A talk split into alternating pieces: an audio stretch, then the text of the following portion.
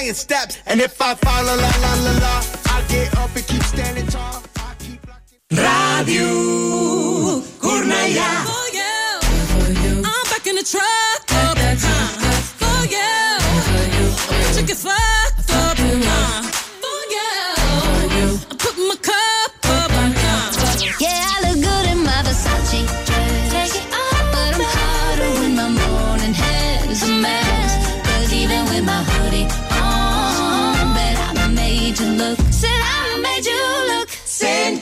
104.6 104.6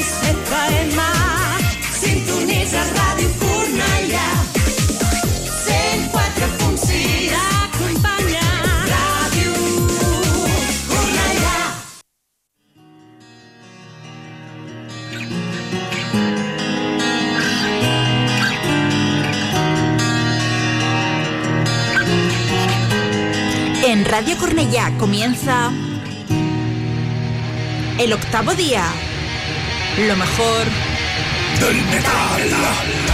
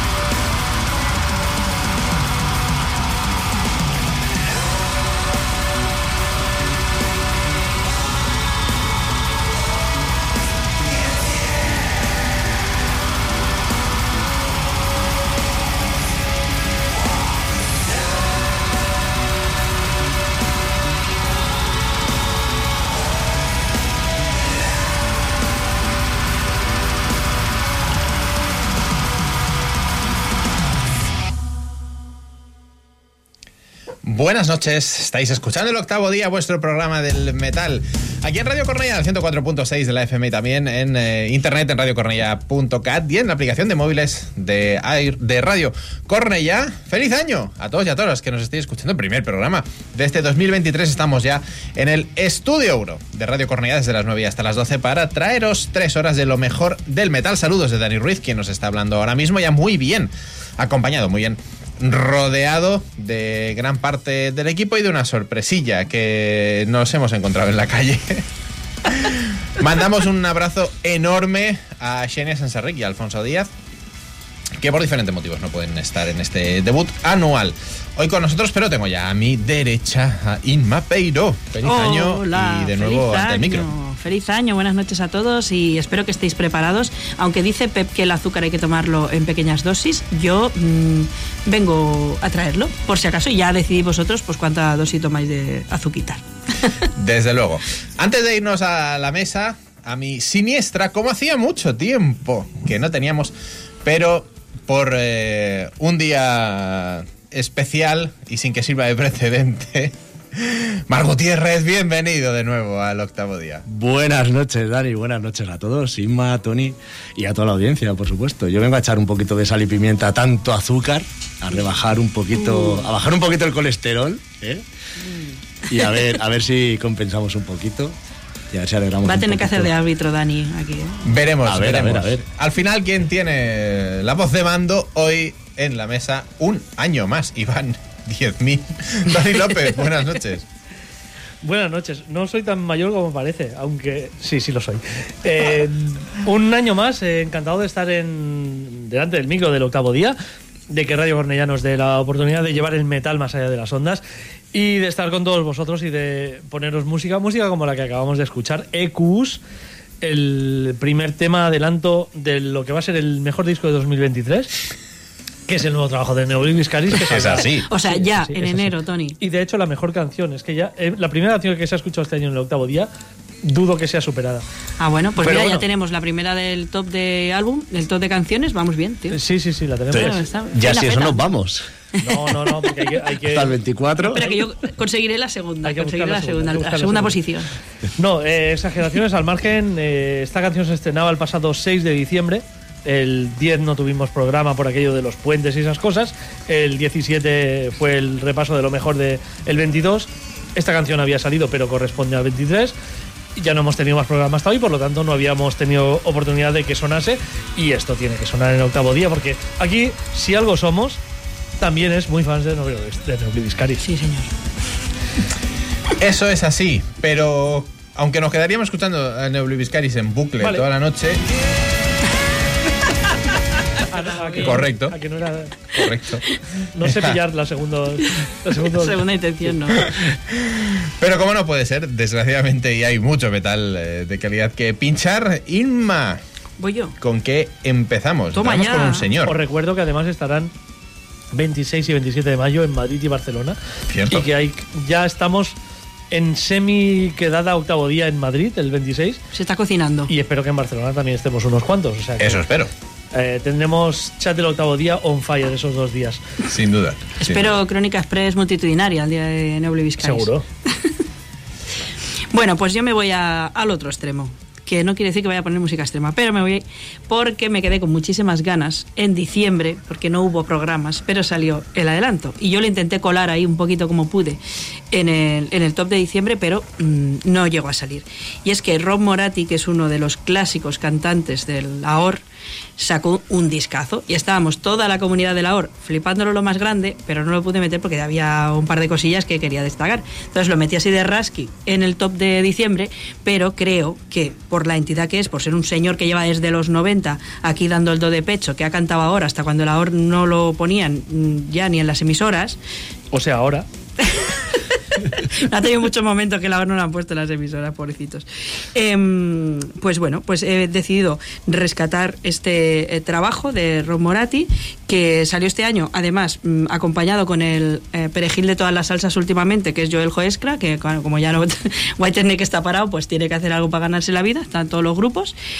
Eh, y la verdad es que ha quedado un álbum muy, muy chulo. Yo se lo recomendaría pues para toda la gente que le guste, Journey, Goran Herman, Toto, Boston, House of Lords, bueno, es un poquito en esta línea. Así que os dejo con el tema de Rob Moratti, Can I Hold You for a While?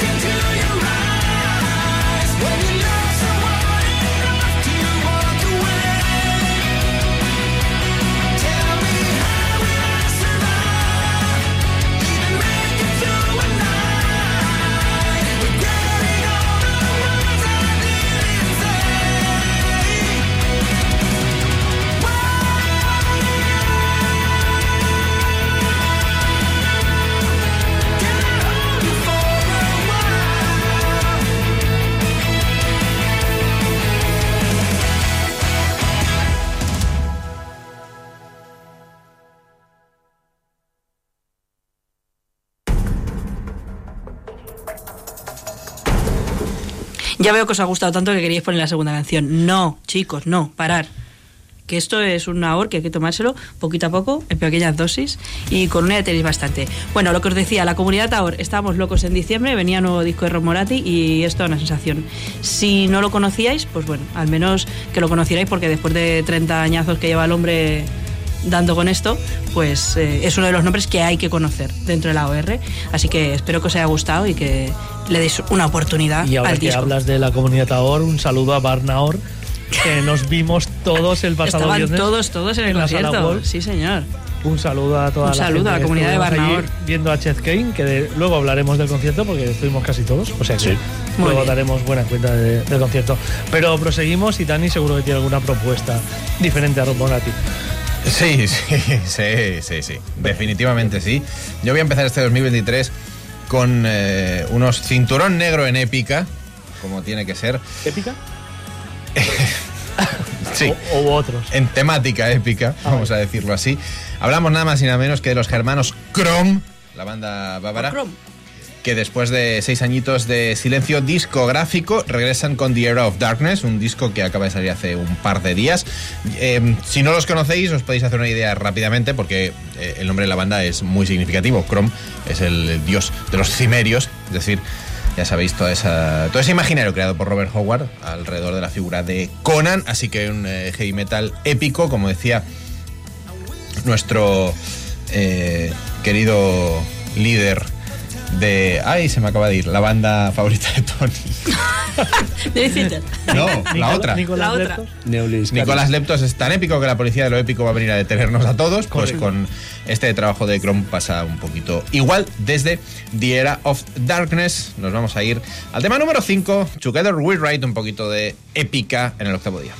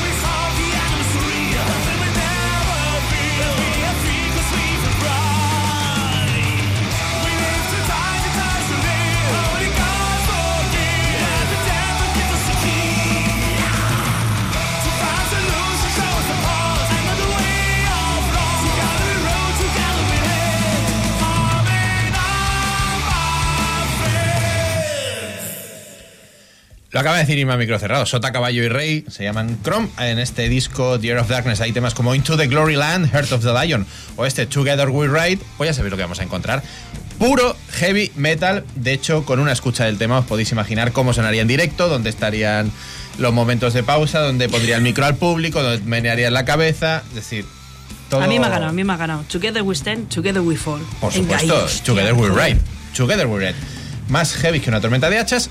Y es un tipo de metal que entra así muy fresquito. Pedir disculpas a la audiencia porque la policía de lo épico nos ha, Sí. nos ha, Jugado una mala pasada. nos ha tocado un poquito Los cables. los cables y, y se ha ido de algún canal en algún momento sí. la canción, pero en definitiva hemos podido disfrutar de Chrome por Chrome. Y un día de la policía del, de lo tecnológico debería pasarse por Radio Cornella.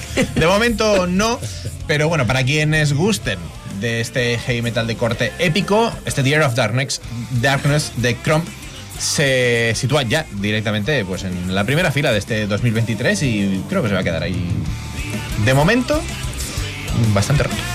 Pero no todo podía ser flos y violas, como decimos por aquí.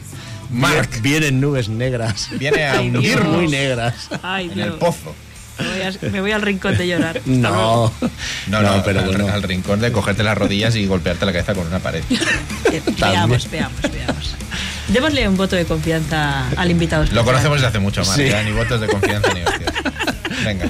Ya sabes de qué me calzo. Yo vengo a hablar de mi libro. Yo vengo a hablar de death metal sueco. Solo recordad que todo lo que pase a partir de ahora es culpa de Inma. Hombre, Espera, que ha dicho favor. sueco, ha dicho sueco, Tony. Ha dicho sueco.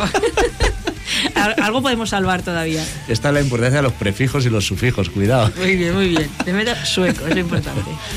Death metal sueco.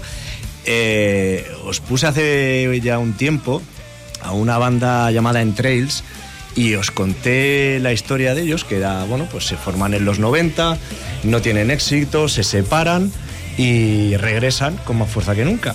Bueno, pues el tema de, de esta banda que voy a poner ahora, Maceration, es algo muy similar. La banda se forma en el año 90, graban un debut en el año 92 que pasa sin pena ni gloria, aunque luego hablaremos de él y algunos seguro que lo recupera. Llámese Tony López, Bien. por ejemplo, Bien. y luego explicaremos por qué. Acepto el reto. Y eh, bueno, pues se reúnen en 2021 y publican ahora su segundo trabajo, It Never Ends.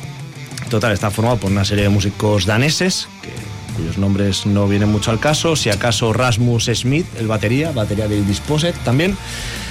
Vamos a escucharlos y luego comentamos. Ellos son Maceration y esto es Arcane Secrets.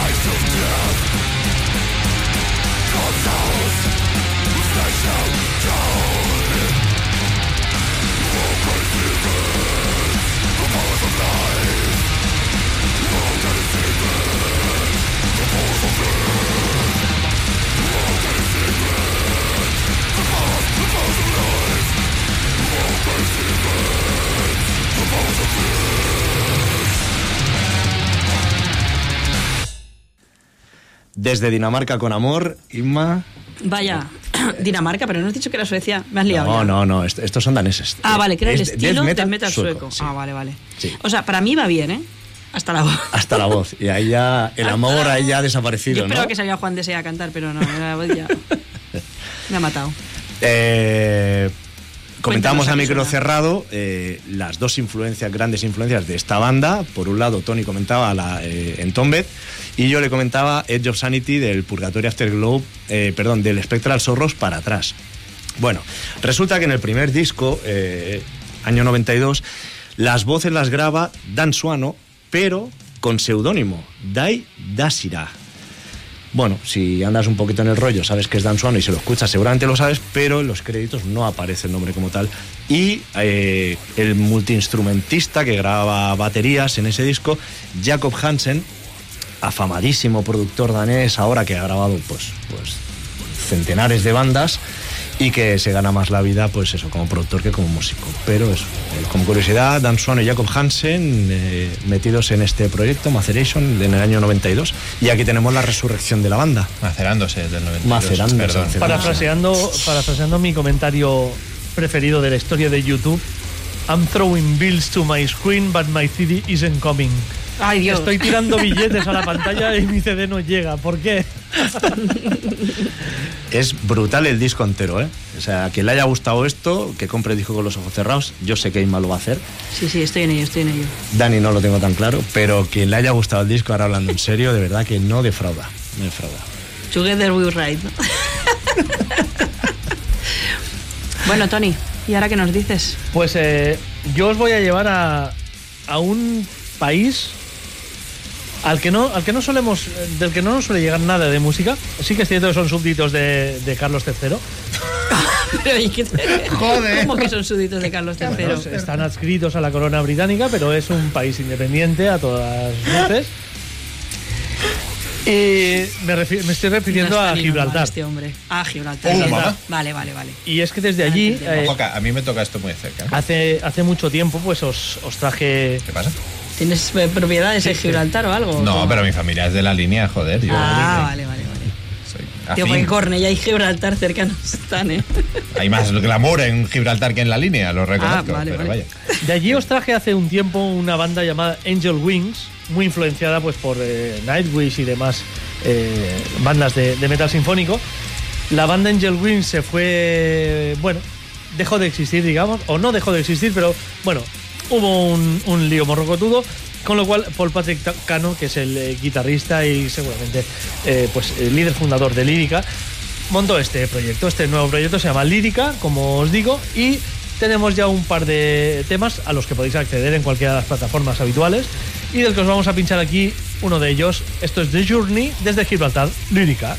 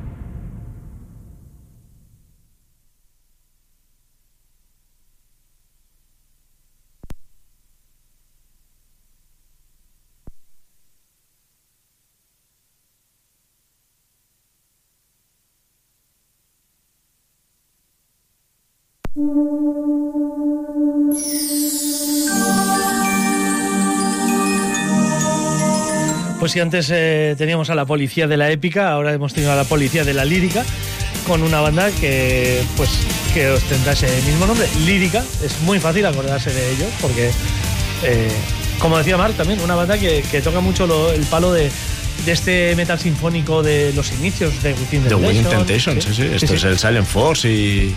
y- Sí, y- bebe bastante y de esa época. Sí, bebe bastante de, de esas fuentes y realmente, como digo, este es el segundo tema. El otro tema es instrumental que tenemos de, de adelanto de, de lo que va a ser la primera entrega de lírica. Pronto vendrán más, más canciones, pero por lo que habíamos escuchado en Angel Wings, que al final es, es Paul Patrick eh, eh, Cano también el, el compositor principal y, y el ideólogo de esto, la verdad es que tenían temas eh, muy buenos y esperamos mucho de esta gente. Como digo, desde Gibraltar, lírica.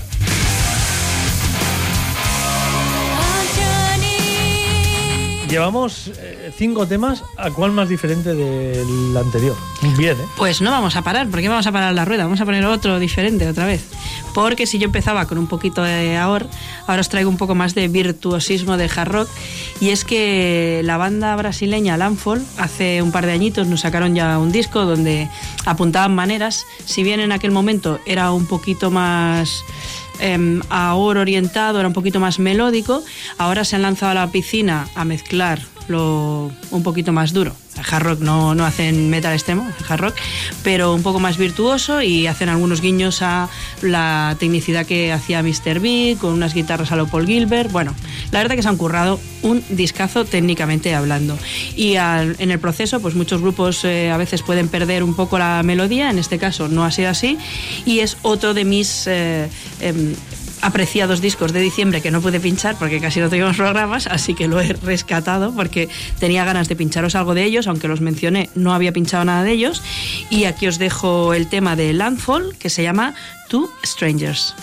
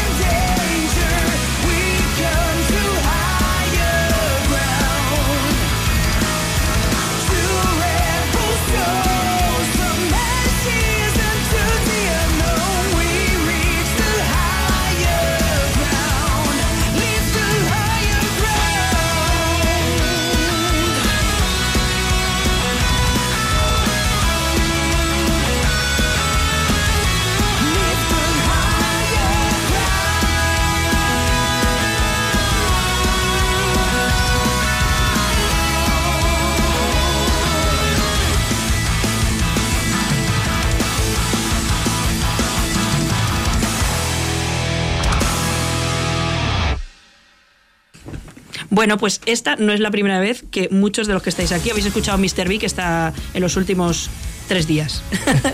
Esto, bueno, eh, Landfall se han sacado un disco muy, muy a lo Mr. Big.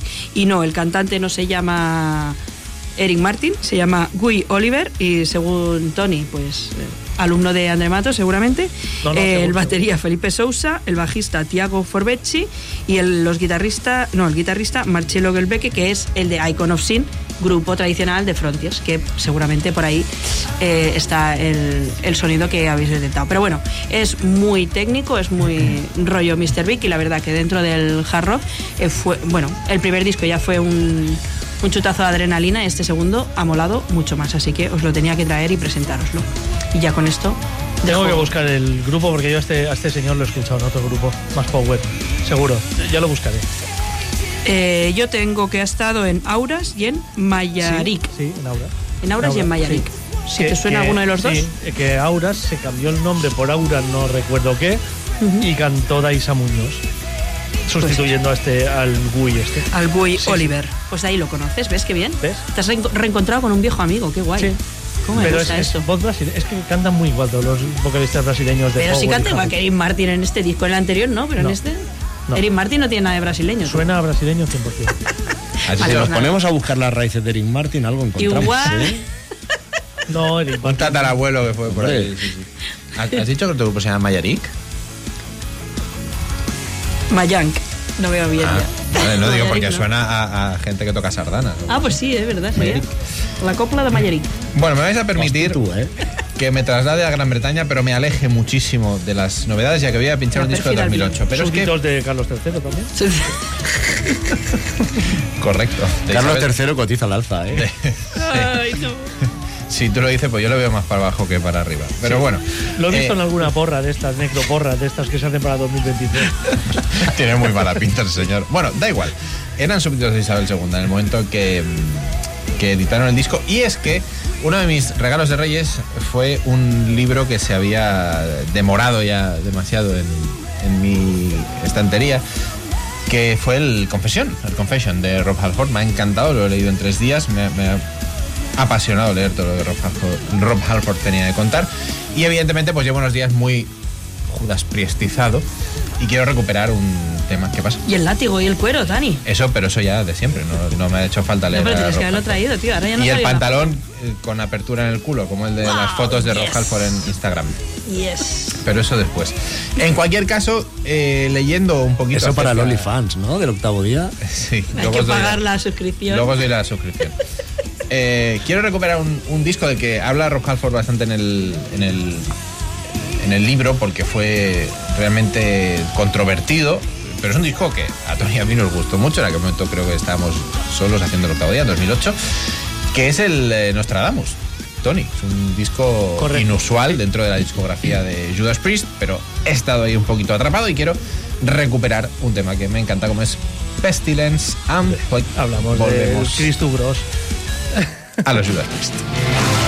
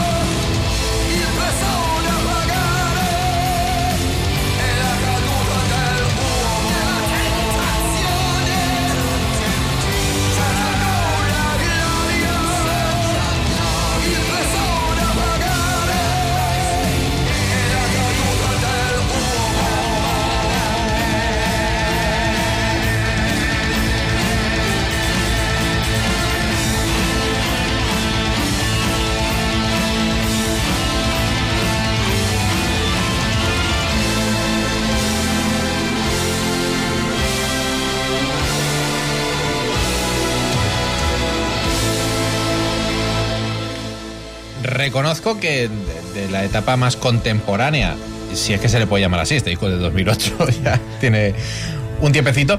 eh, de hecho, va a cumplir 15 años, pero de la etapa más contemporánea de Judas Priest, que podríamos quizá marcar eh, con el regreso de Rob Halford a la banda en 2004, eh, tanto Redeemer of Souls como este propio Nostradamus, o incluso Firepower, que fue el último trabajo, reconozco que me han parecido discos muy disfrutones, pero este Nostradamus es una rara avis dentro de la discografía de, de la banda británica y yo lo disfruto de principio a fin. Por supuesto, este Pestilence and Black es una maravilla. Y es una lástima no haber podido verlo seguramente un poquito más desarrollado en directo o hacer algo especial, más teatral. Eh, el propio Halfon en el libro dice que no supieron cómo hacerlo, se, se tocaban solo dos temas de, en la gira de presentación de, de Nostradamus, la cual yo vi y no me dormí, Irma. Me parece fantástica. Eh, así que nada, he estado un poco ahí recogiendo de nuevo el, el manto de Judas, que siempre va bien de, de vez en cuando. Yo creo que dentro de lo que cabe son discos que han aguantado muy bien el paso del tiempo. Eh, obviamente Firepower para mí está muchos pasos por encima de ellos. Me parece un discazo. Sí, señor. Pero creo que, que Nostradamus, visto con perspectiva, quizá en el momento lo que se esperaba otra cosa. El regreso de Rojalford se esperaba, que esperábamos todos? ¿Un Painkiller 2? Es que ni lo iban a hacer ni lo van a hacer Bueno, es nunca. que el regreso de Rojo Alfonso fue anterior, es el Angel of Retribution. Claro, sí, el- sí, el Angel pero- of Es Retribution sí más que era, clásico. sí que era un disco más tenía- clásico, tenía exacto. un guiño algo más épico, así como Loch Ness al final. Sí, que pero- te indicaba un poco por dónde podía tirar Nostradamus. Pero Qué temazo aquel, eh, madre mía. el hecho de hacer un disco conceptual tan largo, no sé. Es, bueno, está Era, bien. eh, era una jugada arriesgada, eso es cierto, pero. Para mí es el último gran disco de Judas, Nostradamus. Para mí Firepower, yo no le veo todo lo que le veis todo el mundo. Es un disco que está bien, pero no a, a la altura de, de Judas, creo yo. Entiendo que, que sí que haya mucha gente enganchada a ese disco, pero a mí personalmente no me había enganchado. Nostradamus sí, y en cambio es seguramente el más denostado por el fan clásico de Judas, Sí. que no soy yo. Lo, Entonces, lo bueno es que un, cuando un disco de, en este caso de Judas o de cualquier otra banda, genera tanta controversia, tanto intercambio de opiniones, y hay de los dos puntos de vista, es que el disco no es malo. Lo que sí puedo decir es que desde el año 90 hasta ahora, eh, cualquier disco de Judas es mejor que uno de Maiden. Eso sí lo tengo clarísimo. Entonces, ahí ya entramos en otro debate. Uf, Destralé. uf. así, pero- como, así como me gustan más los Maiden en los 80, pues a partir de Painkiller en adelante, creo que Judas lo ha hecho mejor que. ¿Tú crees que han envejecido mejor Judas que Sí, Maiden? bastante mejor. No en directo. mejor. Yo creo No, que no, ¿eh? No en directo. Bueno, en directo. No, no en directo. Ojo el último directo, ¿eh? Que es verdad que muy ayudado muchísimo Halford. Pero, hostia, el último directo que los vi bien valía, ¿eh? Un 50 aniversario. Yo a mí Se- Senjutsu es un disco que me ha gustado mucho, pero es que Brave New World de Iron Maiden uf, a, mí, a mí me parece un discazo, ¿eh? ¿Ves? Yo, parece un- yo se lo equiparo a Firepower. Un disco que, bueno, sí tiene todas las cosas del grupo, pero no hay ninguna canción. Yo no, no recuerdo ninguna canción de Brave New World. Pues no hay ninguna que te haya dejado ese pozo de decir, hostia, voy a hacer, voy a hacer un playlist de Maiden. No se me ocurre ninguna canción de Brave New World. Yo meto una, Bueno, de Wickerman. De Wickerman es The de New World, sí. Dream of Mirrors. Eh, yo, yo, yo es que meto, meto varias ¿eh? no sé, de ese, yo- de yo ese no, disco. ¿eh? yo no. No Una sé. pena, Tony, con lo bien que le caías a Javi hasta hoy, ¿eh? Fíjate. Bueno, pues ahí, Una amistad de años. Y, y ahí se acabó. Bueno, en- algún día tenía que petar esto por algún sitio. Y, y Yo- luego yo le pasaré una foto luego. Habría que preguntarle a Carlos III, a ver. A Carlos III. Yo reconozco de todas formas, y, y al hilo de lo que ha dicho Tony, yo cuando vi ayudas en el regreso de Halford, en el Olympic de Barcelona, año 2004, ya le metían ese reverb. Es decir, no, no lo he visto ahora, tengo muchas ganas de volver a verlos. a- Esos gritos que duran el triple de lo que tiene el micro delante de la boca. Sí. Eh, entiendo que, bueno, la voz de Rob Halford ha envejecido muy mal, pero es que también grabó cosas eh, el finales de los 80, principios de los Tonos 90 que son imposibles Sí, de, sí, de exacto. llevar. O con Halford, el Resurrection mismo, el tema Resurrection, lo Y ves seguramente- en directo de la presentación y era imposible que pudiera mantener eso a lo Esto, largo del esto pasa tiempo. mucho con, con cantantes que tiran bastante de falsete, como ha hecho Halford en su carrera. Claro. Porque otros que tienen ese chorro natural, Glenn Hughes, Rob Rock, son gente que ha envejecido Sí, y que señor. siguen teniendo naturalmente ese, ese chorro porque es algo natural. Halford ha tenido que aprenderlo y como tal, pues. Sí, en el creo- otro lado también tenemos unos cuantos. En el otro lado hay muchísimos más. No, no. eh, Sí, solo hay algunos que conservan, pero. No, que tengan. Bueno, porque es el, el Ahí chorro es tiene que haber una natural. predisposición genética también. Michael Sweet, por ejemplo, es un tío que tiene un Este chorro natural. Porque Canta además- mejor ahora que canta- antes. Está mejor ahora. Lo de Michael Sweet no es humano. Bueno, es decir, pues- entendemos que es un cyborg, que le han hecho implantes o algo. No, bueno, es, Sí, es sí, gente sí. que, Skynet que lo está tiene. detrás de es Michael. Gente que, es gente que lo tiene. Estos, estos Sí, sí. son gente que lo tiene. Cuidado, ¿eh? porque estamos hablando de músicos cristianos. Sé que no tenga algo que ver esto. Es Rob Rock, Sweet, Glenn Hughes. Ah, son gente verdad. bastante cristiana. ¿eh? Hostia, va a ir por ahí al a ver si el final. pacto va a tener que ser con otro, ¿eh? Sí. A ver si lo hemos No sé estado... con el diablo, va a ser con. Va a ir por ahí, va a ir por Cuidado. ahí. Lo investigaremos. Es un tema del que Sin duda. en el que nos meteremos a, a bucear. Eh, Pero, ahora sí. Mark nos trae otra propuesta. Hablando de pacto con el diablo. Pacto Aquí sí que vamos a bucear. Pero en oscuridad. Hablábamos a micro cerrado, hemos hablado en el chat del grupo de Telegram y, y- y, bueno, yo creo que lo pensamos todos 10 veces al día.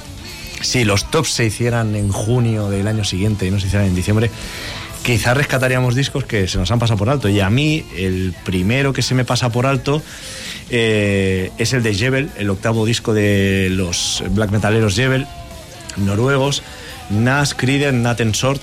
Como veis, Qué eh, fácil de pronunciar. En estos meses estaba ahí practicando mi noruego, ¿eh? y está dando frutos. No tenemos nadie noruego, ¿no? En el chat de Telegram. No, si fuera finlandés, ahí Sonia nos echa un Sonia capote, echa un pero. La cosa está en que, para quien no lo sepa, aquí tenemos a Transiecals, a Bitrim y a un viejo conocido de la escena black metalera, como es Faust, a la batería. Eh, la cuestión está en que Aftermath Music del amigo Javar Holm los lleva editando hace años, cree en ellos y bueno, pues al final eh, la tanta cabezonería le ha dado la razón. Ya los pusimos aquí hace un tiempo con, el, con su sexto trabajo, el Homer Tilarmer, Manetil Jode y bueno, pues rescatamos Inma está Y ha pillado. seducida con el, pillado con el el noruego este ¿eh? Sí, y sí, con, sí, con ese el título juego de palabras en noruego es interesante. No haremos la transcripción por si acaso herimos sensibilidades. Bien, bien.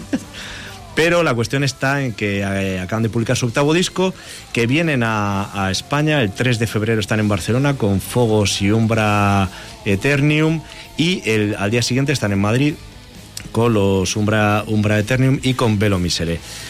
Esto es lo que vamos a poder escuchar. Vamos a escuchar solo un fragmento de este tema. Eh, vamos a escuchar unos seis minutos y pico porque es bastante largo, pero creo que nos haremos una idea. Esto se titula Nas Krider Naten Sort, que es el tema título, y ellos son Jebel.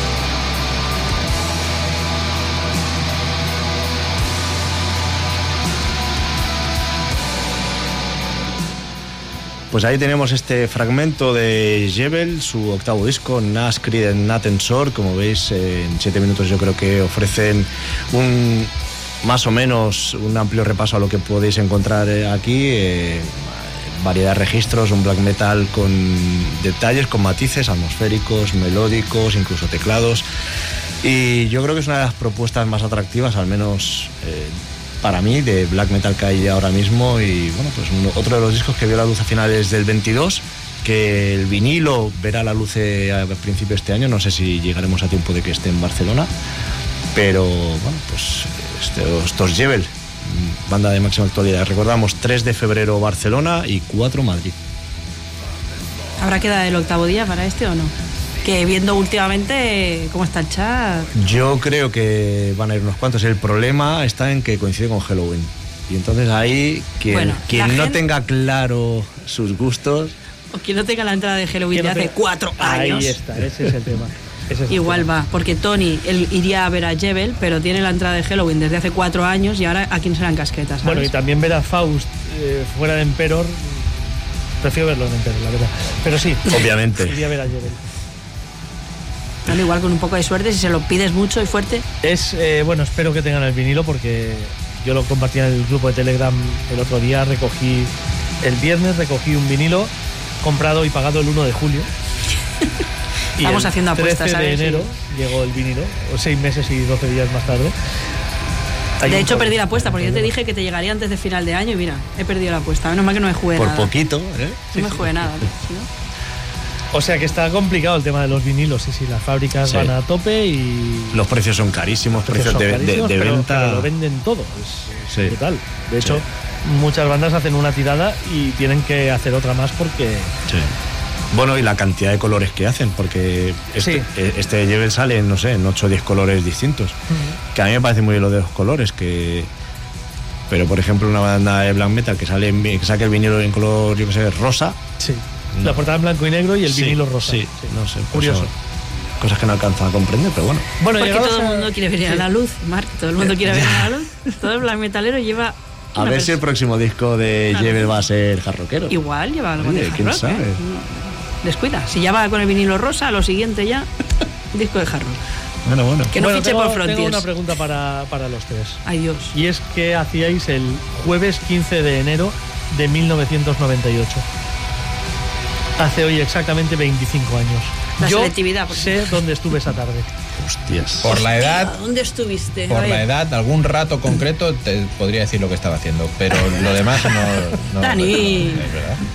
Bueno, pues el 15, como digo, jueves 15 de enero de 1998, estábamos en Arais esa tarde porque se puso a la venta esta maravilla.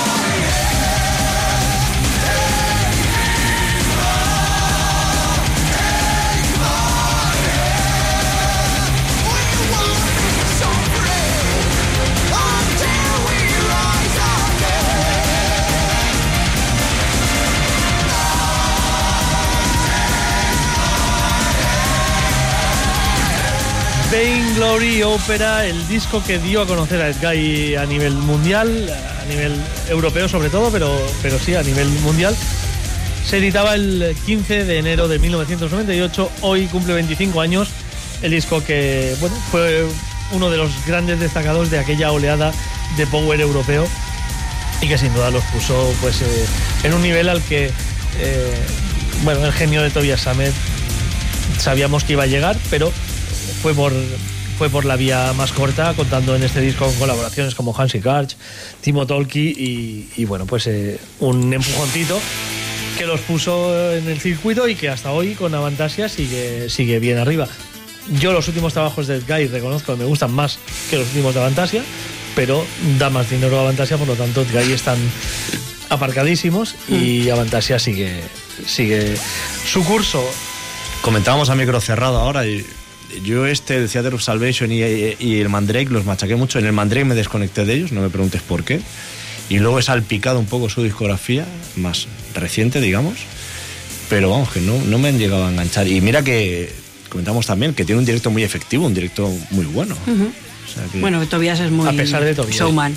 No, Tobias es A muy pesar de la voz, como showman A pesar de que cante, pero sí. canta- a pesar de que cante. Canta lo que canta el hombre. Bueno, yo a Edgar los pillé tarde, porque yo en el 98 estaba yendo a Aquelarre todavía. Entonces yo estaba más rollo nu metal y tal, no estaba. Pero sí que es verdad que nuestro querido Paco Jiménez lo pinchaba mucho en Mefisto. Mucho, Y entonces sí. ya me tomé, tomé carrerilla luego. Sí, sí. Luego en Mefisto ya me aprendí toda la discografía de Edguy. Pero. Estoy con Mark en que a lo mejor en los discos tampoco los he escuchado tanto, pero luego en los directos yo me lo paso muy bien con no lo pasa muy bien también. ¿eh? Mm. Sí. Pues os recomiendo bastante el último disco, por ejemplo, el Space Police. Es un muy buen disco, más tirando al hard rock, al power seguramente, pero con alguna. La última canción de ese disco, por ejemplo, es, es épica, es muy en la onda hacia The Salvation, que para mí es la mejor canción que ha hecho Guy.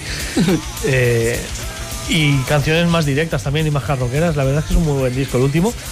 A diferencia, porque yo no, no puedo con los de Avantasia, lo siento. A mí me cuesta mucho, horrores, los últimos de Avantasia, pero entiendo que es una salida mm, no solo digna, sino que además le está repercutiendo muy positivamente a Tobias, porque una voz como la suya ya no está para cantar una hora y media en directo y en Avantasia puede tener sus momentos de descanso, de lucimiento. de- Le pasa como a ti, que ha dejado la banda para hacer un programa de radio. Ahora con su programa de radio lo peta. Sí, sí, sí, le pasa igual. No, no, pero como la Kai Hansen, que en Halloween solamente canta dos ratitos y así puede aguantar, en Camarra ya no podía. Bueno, es Hostia, una. pero en Halloween lo hace muy bien, tío. Ahora Claro, lo hace muy bien porque lo que es un momento. eh, Claro, y, pum, pam, y- ¿eh? y Tobias lo hace mucho mejor en Fantasia que en el Guy. Sí, Porque es como un momentito que tienes que darlo ahí. Bueno, pues yo voy a cambiar de tercio totalmente. Me vengo aquí a la torreta. Te vengas. Me vengo, me vengo y, y viajo también, las dos cosas, eh, porque vengo con un grupo de aquí que se llaman Serpent y es una banda que ha ido, bueno, es muy reciente, creo que empezaron su primer disco de 2019, pero hubo como la movida de que pillaron la pandemia, iban a presentarlo, son de estas bandas nuevas, bueno, es típica banda del sello Becore eh, y es una de estas bandas que que bueno eh, van haciendo EPs, tras EPs, tras EPs, tras EPs y van bueno siempre manteniéndose ahí y la verdad que les quedó la cosa bastante bastante mm, no no sería oscura la palabra pero A ver si te vas a venir a lo mío. compresiva no no es oscuro es es deprimente, es compresivo, pero no es oscuro, no es, Es eh, deprimente. en ese en ese en ese área, es más en el área de hardcore. Preferíamos Entonces, como- oscura, ¿eh? No, no, No, va, que no ya- va ya- la oscuridad. Ya ha dicho hardcore, es decir, ya no se puede levantar esto, da igual. El Hombre, hardcore mola mucho, hombre, ¿sea? ¿No te gusta? Pues mira, es puro hardcore. Em, No, no, la respuesta a las dos preguntas. A las dos preguntas es negativo. Eh, qué maldito eres. Eh, los miembros de esta banda vienen de bandas como Gun Down, Cinder, Collapse y Antipathics, por ejemplo, que no nos está Hostia, sonando, los ¿no? anti- Vale. Sí, los antipáticos son muy puncarras, son de Tarrasa. Pues ahí está, ahí está, Sí, sí, sí. ahí está la, la esencia del asunto. Si tuviéramos un programa de punk, hablaríamos de la escena de Tarrasa. Porque Sí, sí, indudablemente. es bestial la, la Sí. de bandas punks que han salido en Tarrasa. Totalmente. Pero, pero no es un programa de punk este. Pero no lo es, por lo tanto. Pero que te va a gustar, ya verás. Dani, te va a gustar. Yo traigo este tema especialmente también porque hay un oyente del octavo día con el que comparto mucho estos gustos y no se deja prodigar mucho en el chat, pero eh, nos sigue de cerca, que es Dani Ramone, que sale en el, Telegram, lo tenemos como Dani Ramone, y le gustan mucho estas bandas y siempre andamos intercambiando eh, mensajillos sobre esto. Así que os dejo con el tema de Serpent, de su disco 2021-2022, llamado eh, el tema Yepa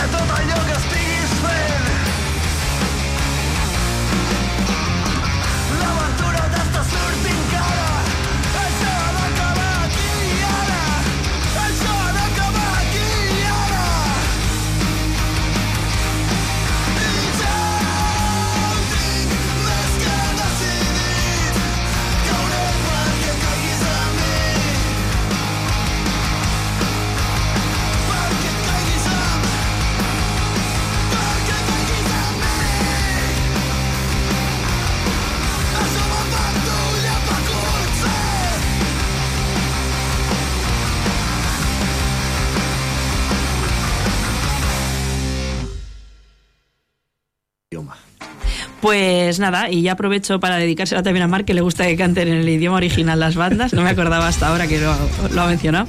Pero es verdad que eres un friki de que te gusta que Yo la gente cante en su idioma. yo, yo co- conecto con ellos, pero ¿por qué no cantan en su idioma? ¿Cómo que sí? Yepa Cool se llama la canción. No, Uy, pero- pero a mí, El resto dice. del disco era en inglés.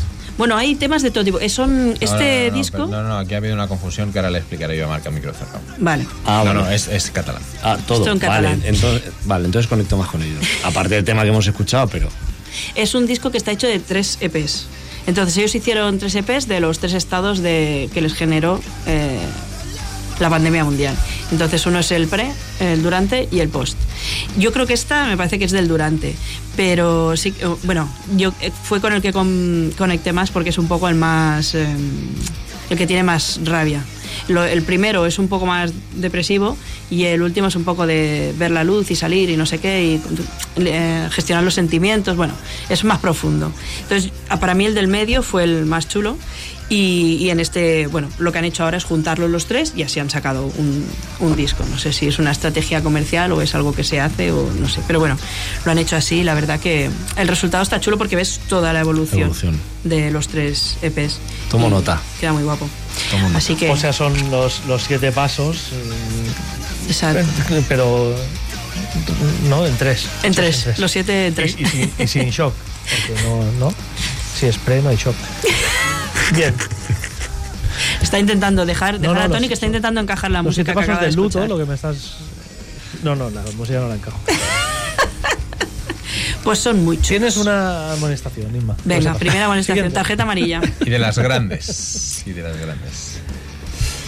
Bien, yo me vuelvo a Alemania y me vuelvo de nuevo con un disco que ha aparecido hace un par de días. ¿Cantan y- en alemán? No, Denuncio. Fuera.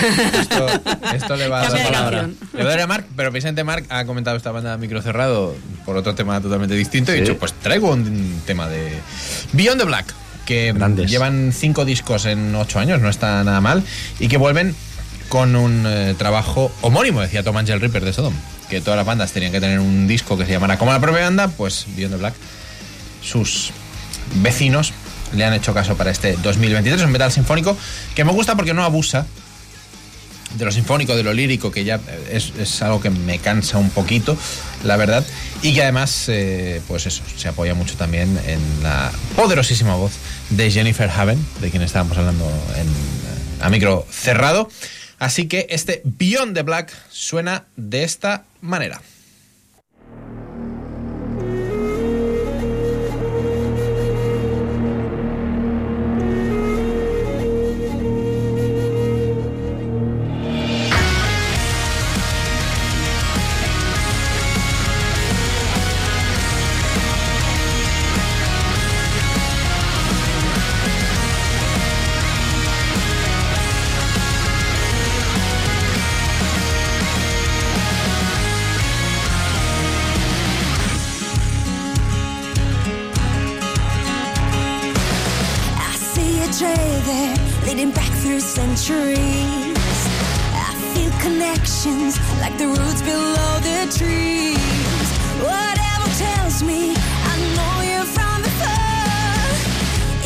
Feels like dying was just another door. I never cared for the stories to tell. I never thought about heaven and hell. I just remember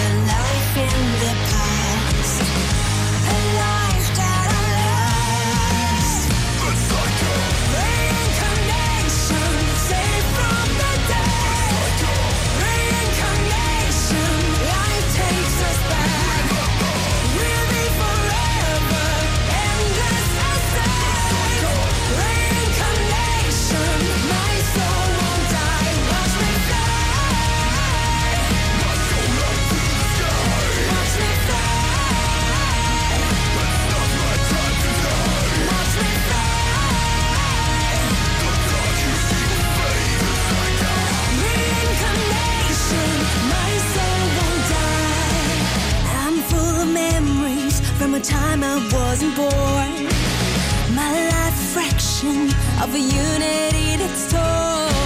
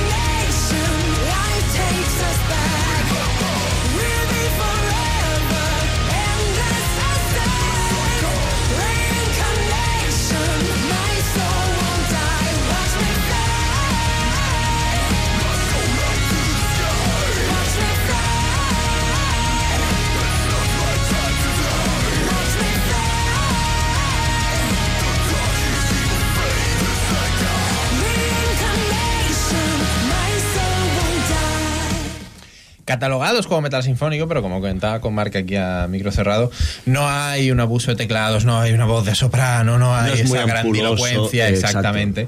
Es un poquito más directo y a mí es lo que me gusta, porque yo acabé muy saturado ya de ese metal sinfónico. Así que Beyond the Black eh, suena genial este quinto trabajo, ¿verdad, Mark? Y aparte, no, no lo he podido escuchar todavía, pero sí que he escuchado la discografía previa. Y es una banda que dentro de su estilo, de su metal sinfónico y tal, alterna muchos ritmos, eh, cambia un poquito de estilo, mete un punto modernito a su propuesta y No abusa del contrapunto no, no, no, cultural, no, como no, no, decías tú. exacto. Sí, hay guturales, Sí, obviamente, uno. pero no molestan. O sea, yo, y yo a por, yo, por ejemplo, por ese toquecito folk que les acompaña. Sí, Bueno, sí. En esta canción, que es más Elevated que Sí, Beyond the Black, sí, pero sí. bueno. sí, porque el, no el resto suena. de discografía no, no, folk no tiene, me tiene juzgues. algún detallito, pero Ya, ya, tampoco. pero No me juzgues, acabas de canción. Poner... esa. O sea, esta canción que Dani ha presentado como metal me sinfónico, gusta. que me gusta porque no suena metal Sí. sinfónico. Sí, claro que suena a folk metal más que metal sinfónico. Pero si yo estoy No me contigo con Beyond the Black, que si yo estuve en el concierto, que, Pues me- que te voy a replicar. Sí, a mí Y, me gusta. y yo no estuve, pues ese día recuerdo que había un solape de esos brutales. sí, no ese día recuerdo había dónde tri- estuve. Trisolape. Pero recuerdo- nosotros estábamos en la Salamandra. El Beyond the Black era en la Salamandra. Y había como tres había tres o cuatro gordos. Sí, sí, sí, sí, sí. Y aparte creo que tuvieron muy buena asistencia todos. ¿Vosotros hicisteis sold out? Sí, sí, sí, sold out. Sí. Sold out en Beyond the Black. Pues sí. es súper cómoda Salamandra Soldado. Sí, comodísima. Sobre todo de la mesa de sonido para atrás. Es- Yo en Michael Schenker vi a gente estampada contra la puerta detrás de la mesa de sonido. Sí, O sea, no, es fatal. La que, que yo estaba delante más o menos a gusto y cuando me fui a ver los dos últimos temas desde atrás me tuve que ir a la calle porque era insoportable detrás. Sí. También es verdad Se que aprieta todo el hablamos- mundo atrás. Hablamos de que ese día fue un día especial porque era un concierto cancelado en Razuno cuyas entradas devolvieron, pero mucha gente no se enteró y las guardó para ese concierto y cuando llegaron allí les dijeron que no valían ya que estás allí, ya que está Michael Schenker, las compras. Y, y vendieron muchísimas más de las que había que vender. Pero bueno. Salamandra el próximo sábado va a tener también una una historia similar, porque Angelus Apátrida, un concierto de thrash ni más ni menos, y de Angelus que no la lían poco. Han agotado. Han agotado entradas. eh, Sí, sí. durillo, va a ser durillo el próximo Sí, sábado. correcto. Y hablando de algo que va a ser durillo, Mark, No, no vengo tan duro. O sea, he, he venido a tope hasta ahora, pero bueno, vengo, vengo a atender Durillo, la mano. Durillo, eh, Durillo, Dani, lo dices igual por pasar, ¿no? El rato este. sí, no, no estaba pensando en. Tomamos el- la pastilla. Exacto. No, no estaba pensando en la velocidad de la batería, ¿no? Aguanta, van a ser cinco minutitos, no, no te robo más. Además, vengo. eh, va- es mi propuesta más suave de la noche. O sea que No, pues a mí la caña me encanta, pero estas cosas ya de depresiones y tal, no. depresiones no hemos puesto nada. Bueno, pero casi. te, veo sensible. oye, Casi sí. Te tienen acostumbrado al azúcar. Eso es verdad. Llego yo con la mala hostia de Phil Anselmo. bueno, la cuestión es que vamos a escuchar a unos daneses, a otros más. Estos se llaman Empire Drones. Y bueno, pues es, es una banda, ya veréis que suena Gothic Doom, muy rollo noventero. Y quizá eh, os suene a algunos, eh, los que sois de la vieja guardia de, de la escena del death metal melódico y todo eso, os suene un vocalista llamado Michael Andersen, eh, que es- bueno, ha cantado también en Withering Surface y en Thorium. Mark, Michael Andersen nos suena porque seguro que hemos escuchado a alguien que se llama Michael Andersen. Es un nombre bastante O Michael común. Anderson o, o similar. O Anders De hecho, yo Mikkelsen. tenía uno en la cabeza que pensé, no puede ser ese. Este tío no puede estar en Empire Drums. Michael Andersen es el Tony López de los países nórdicos. No jodamos.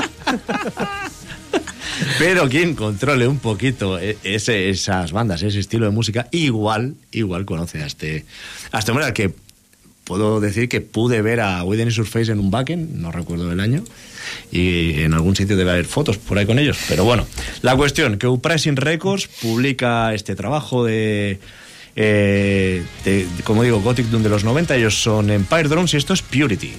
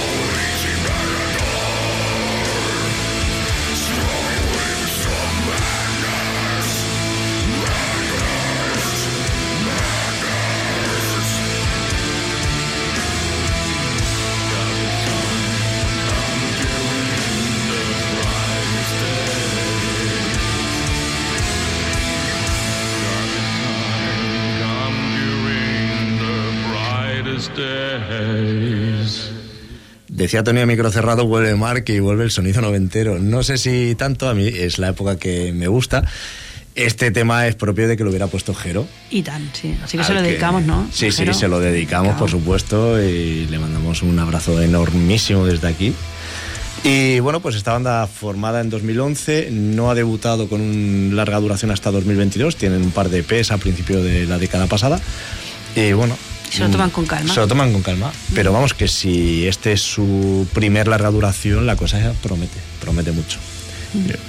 Lo que decía antes Tony de que, que estaríamos haciendo en el 98, yo posiblemente estaría más bien escuchando esto en Aquelarre Sí, que sí.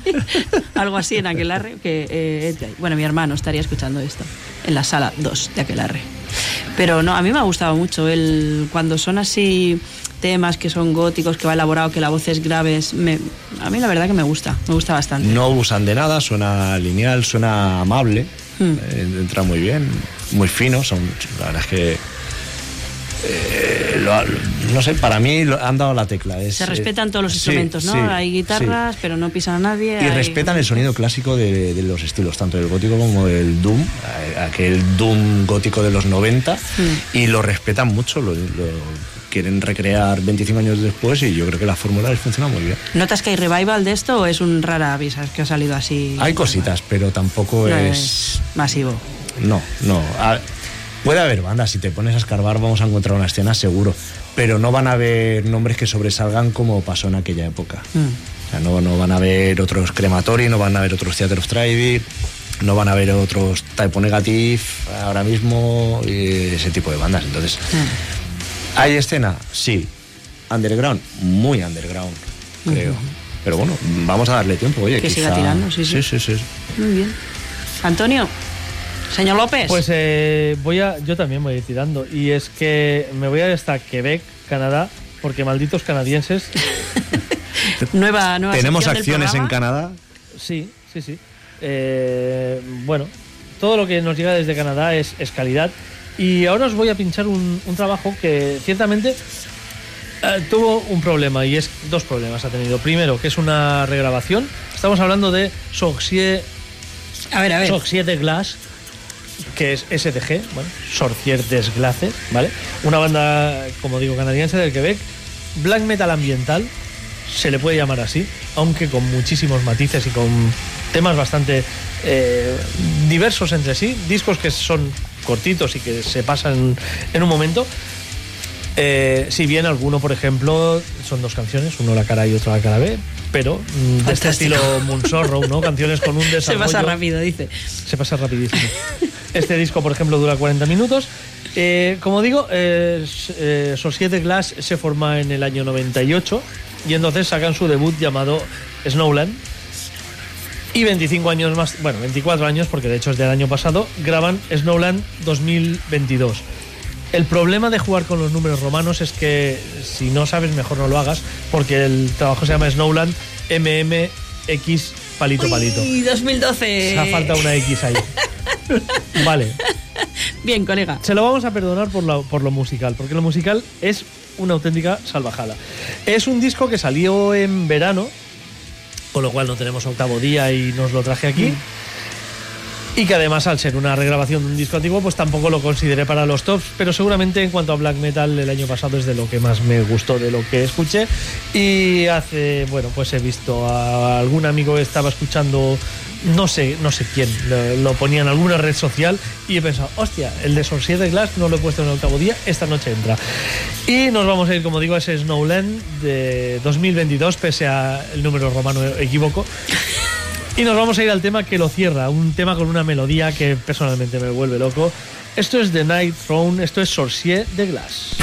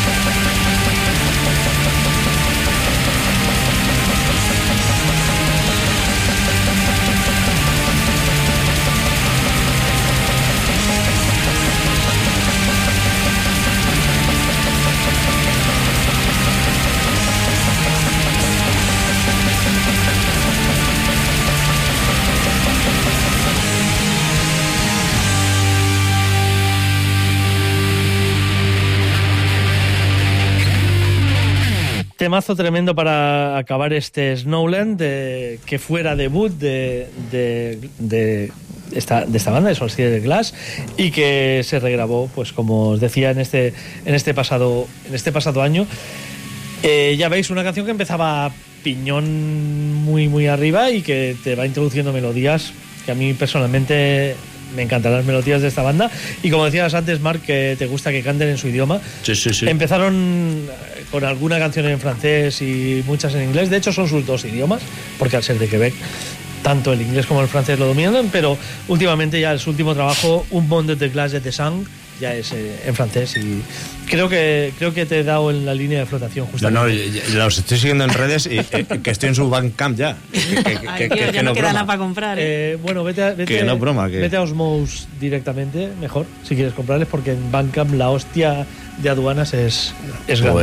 Pues- y pues- supongo que Osmose la tienda... Gonzalo, te invocamos. eh, bueno, es, es- es otra, es otra manera. Sí, sí. Pues, tremendo, eh, tremendo el black metal, tremendo cómo trabajan las melodías, eh, cómo entran los teclados, cómo aguantan la tensión ahí de que confluye Sí, tanto la, la- la melodía del teclado con la de la música. ¿eh? O sea, Sí, como te comentaba, me recuerda mucho a bandas como de orquestra y Sí, bandas sí, sí. así, con, con esas atmósferas de teclados que, muy intensas. Y realmente, bueno, pues eh, tienen, como os decía, el, el disco título, Societe Glass, que es de 2018, por ejemplo, únicamente tiene dos canciones y, bueno, y son dos canciones que se llaman Societe Glass parte 1 y parte 2. eh, y dura 50 minutos, es decir, eh, y dos canciones además que tienen continuidad en melodías y demás, podríamos llamarla una. Pero bueno, eh, una banda bastante, bastante curiosa y, y a la que os animo a seguir si os ha, si os ha gustado este tema, porque, porque como digo, también mucha influencia Monsorro también en algunos momentos, en fin, todo lo que nos gusta de- del plan melódico y atmosférico en estos Societe de Glass. Y esto a las 11 de la noche, Dios mío. Ya me he despeinado. Yo te voy a recoger el testigo con gente que sí que escribe los números romanos bien, porque Bonfire eh, llevan pues un par de años trabajando en una reedición de sus En su, en su, en su, perdona, ¿eh? en, en su defensa debo decir que en 2012 ya sacaron el Snowland MMX y Palito Palito, que lo regrabaron Sí. y que ahora simplemente han hecho una reedición de aquella regrabación. Igual por eso no Ah, han igual querido, por eso no han cambiado el no número. han querido cambiarle el número. Mira, Yo pues, imagino. Tiene no- no- sentido, así tiene más sentido, sí. tiene más sentido, pero Porque, hombre, ya equivocarte, ponerlo en todas partes, alguien te tiene que dar la colleja y decirte, tío, que lo has no, puesto pero, mal. pero muchas veces O sea, que igual está asistido a bien. cosas así, que, que Mm. está ya está mandado imprenta y, y eso ya se vende porque ahora es un desfalco no venderlo. Claro. Yo siempre hablo de, de mi cassette de Blind Guardian, el primer cassette que me compré de Blind Guardian, eh, se llamaba Somewhere from Far Beyond. Lo, te- lo conservo, ¿eh? Somewhere from Far Beyond. Yo tengo Bien. ese cassette también y no me fijo en el detalle. Pues fíjate, eh, ya, ya, me lo, ya me lo dirás. Eh, No yo siempre lo llamé Somewhere from Far Beyond porque así se llamaba, hasta que vi que era Somewhere Far Beyond. Después de, mucho tiempo de, de convencerme gente que no es From y yo sí que tengo mi cassette que lo dice. Y como eso se tiró a imprenta, pues eso, entró. Pero por ejemplo, la, clásica más, más conocido de, estos líos es el tema de Obituary Sepultura. Llega a la imprenta a la portada de Cause of Death, llega a la imprenta a la portada de Arais. Y el tipo de encargado del momento eh, tira la de Obituary con la portada de Sepultura y el de Sepultura con la portada de Obituary. Fantástico. La portada que conocemos todos ahora Innovación. mismo del Arais iba a ser la de Cause of Death y viceversa. Eh, Bueno, Bueno. decisiones de última hora. ¿Y qué haces? Sorpresitas. Lo desmontas todo porque. Pues no, no, no. No, ya lo dejas. Ya tira. Tiras y ya está. Porque el- Despedido. o sea, la pérdida es millonaria en ese caso. Claro. Bueno, pues yo estaba diciendo que Bonfire también han regrabado, han puesto bien los números romanos 2023. Y es que, bueno, llevaban un tiempo regrabando, querían regrabar los tres primeros discos para hacer un box set especial, juntarlo con un libro de Hans Siller y también un documental que estaban haciendo de Bonfire, así pues como celebración. Y recibieron la triste noticia de que Alex Stahl pues tiene una enfermedad de corazón y, bueno, pues va a tener que tomarse la vida con un poquito de, de más calma, a lo que han llegado a este acuerdo que él da un paso al lado y se han buscado un vocalista griego de 30 años griego, Tony, digo griego, a ver si te suena griego como los griegos de Grecia, cantantes griegos. Vale. No sé cuál es el Andrematos de allí. Em, Yanis Papadopoulos. Venga, pues un cantante griego, a ver si es de la escuela de Yanis Papadopoulos, que se llama Dayan. Y... Bueno, de hecho es Vagelis Maranis, pero es que es más chipriota que griego, aunque vive en Atenas ahora. Ah. Pero con San Boysen sentó las bases del canto griego de metal. Pues Siendo nada. Nicolás Lepto su alumno más aventajado. Adelante, Espero adelante. tu análisis eh, de la técnica vocal de este señor llamado Dian y la, la canción que han utilizado para mm, lanzar este nuevo vocalista y ver cómo la gente respira con, con la nueva voz de Bonfire, que es difícil porque Alex llevaba muchos años con Bonfire, pero bueno, vamos a ver cómo, qué os parece. Eh, Bonfire, la canción se llama Fantasy.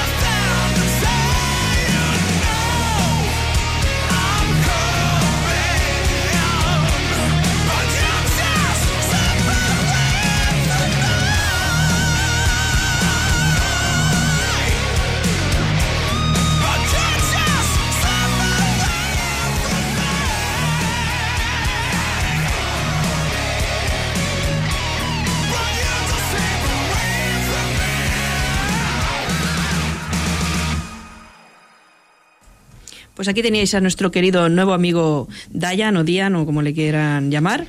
Eh, una, un, un dato que me llamó la atención mucho fue que grabó 35 canciones en 14 días. Ostras. Muy bien, campeón. Y de Bonfire, ni más ni menos.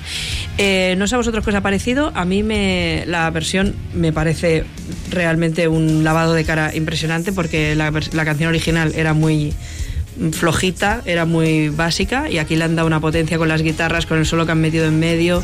Y bueno, la voz de Diane es mucho más grave que la de Alex, pero le da como un rollo de un metal más moderno, no suena para nada lo ochentero que sonaba la versión original, con lo cual pues creo que ya que estás haciendo una revisión de tu disco, pues lo haces con todas las de la ley, no suena para nada igual que la anterior, con lo cual quien se quiera comprar este box set de tres álbumes, un libro y un documental, pues va a tener cositas nuevas, no va a tener otra vez el mismo disco de los mismos discos de Bonfire. ¿A, ver, vosotros qué os ha parecido el en- cantante en, este? En parte la gracia de regrabar algo también es, es darle un punto de vista distinto. Al final si vas a regrabar y, y te buscas un cantante que cante como el anterior y regrabas para que suene igual, luego te puede gustar más o menos el resultado, pero al final se trata de ofrecer algo también un poquito distinto. Bueno, a veces creo. se- regraba para darle mejor sonido, ¿no? Que tenía mala calidad o lo que fuera, y, pero claro, en este caso es regrabado todo. Bonfire llevan 30 años intentando repetir Firewalls y Point Blank. y no, y no lo están consiguiendo. Momento troll. Sí. No, yo creo que con este cantante, bueno, es que a mí también me gustaba mucho Alex, pero mm, bueno, a mí me gusta. Bonfire, No le, sí, no le he encontrado el tengo- punto griego hasta el final, que sí que me ha sonado un poquito a Chandler Moger, cantante de Out, pero claro, es que es, es americano el cantante, aunque la banda sea Ah, griega, entonces ya. no le he encontrado el punto griego. Pero bueno, cuando sube. Sí, cuando sube. Sube y el grito final es Sí. muy chulo, muy chulo. Lo que pasa que, claro, es totalmente atípico de Bonfire eso. Pero bueno, mira, lo ha metido y no queda nada mal. O sea que No. igual está siendo una buena apuesta esta que han hecho estos jovenzuelos. Y nada, ya le pasó la pelota a Dani. Como ha salido un grito, pues Claro, correcto, correcto. Ya te toca a ti. Eh, putos suecos. Bien. Nuevo trabajo después de mm, eh, aquel Creatures of the Dark Realm de 2021 que se coló en mi lista de los mejores del año. Vuelven Bloodbound, lo hacen con Tales from the North. lo sabía. Desde luego vamos a encontrar todo lo que hay que encontrar en un disco de Heavy Power que habla sobre sagas heroicas eh, nórdicas, por supuesto. Es un trabajo que aparecerá en julio, pero que ya nos ha dejado un eh, adelanto que se titula Odin's Prayer, es decir, si antes hablábamos del Sota, Caballo y Rey, pues ¿para qué más? Yo encantado de la vida, Ay, evidentemente. Lo nuevo de Bloodbound suena así.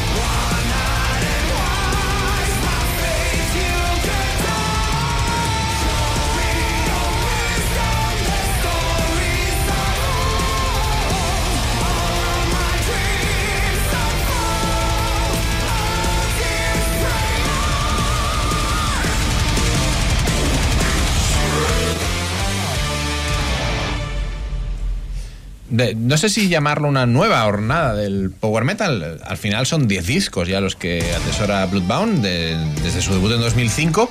Pero bueno, sí, una banda de estas que recogía el testigo de aquel power metal de los 90, que ha refinado y, y modernizado un poquito la fórmula. Marca habla de otras bandas, evidentemente, que se nos vienen a la cabeza, pues como Sabaton o como Powerwolf. Sí, empezábamos esa. es- siempre hemos Sí, sí. hablado mucho de Sabaton y luego Powerwolf y tal, pero Sí, al final te acabas dando cuenta que hay otras bandas Tal que cual. acaban pasando la mayoría por AFM Records, que se, Como parece aglutinarlas, obviamente. como esta.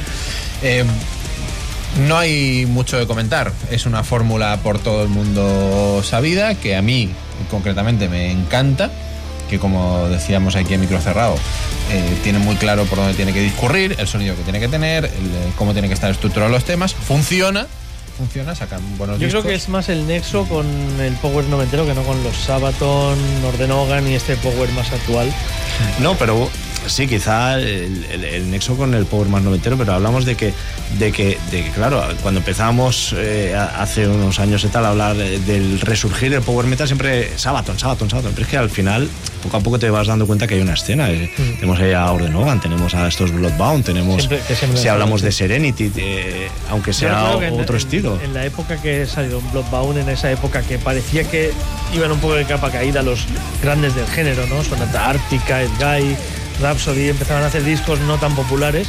Y recuerdo que un pelotazo grande, por ejemplo, fue la aparición de Bloodbound o de los brasileños Ibria también, que pegaron muy fuerte con el primer trabajo. Y son de esas bandas de mediados de la primera década de siglo que rescataban bastante el sonido de finales de los 90, donde los grupos grandes de la época ya no llegaban. Stratovarius también recuerdo, ya empezaban a hacer discos eh, que, no, que no tenían el tirón que tenían los anteriores. Y estos fueron un poco los que mantuvieron ahí arriba esa, esa llama, pues seguramente a los fans del género que ya no encontraban en los discos de los grandes de... Bueno, vimos un poco relevo aquí, relevo que se quedó en lo que se quedó porque es un estilo que nunca volvió a tener, ¿no? Aquel, aquella repercusión. No, el boom no- ni lo tuvo ni. bueno, veremos lo vuelve a tener, pero. Y las bandas encajadas en este estilo tampoco han hecho ningún tipo de reinvención, ningún tirabuzón más, ¿no? Se han encajado en el camino que tienen que seguir. Y, No, pero seguramente, por ejemplo, Powerwolf también en esta época, pues eh, tiraba más por aquí, pero se han ido ya hacia, hacia eso que llamamos un power metal más moderno, ¿no? Que, que, que tiran pues todas estas bandas que ahora llenan y que ahora llevan como teloneros. No sé, yo vi a Rhapsody telonear a Ordenogan. pues, he visto a hacer telonear a Sabaton. Por cierto, hacer que tocan la semana que La viene. semana que viene, domingo que Y viene. los preferiría teloneando a Sabaton que no con un grupo tributo como telonero, me parece. Eh, Sí, no entiendo mucho yo tampoco. Tiene narices, eh. Tiene narices, eh. O sea.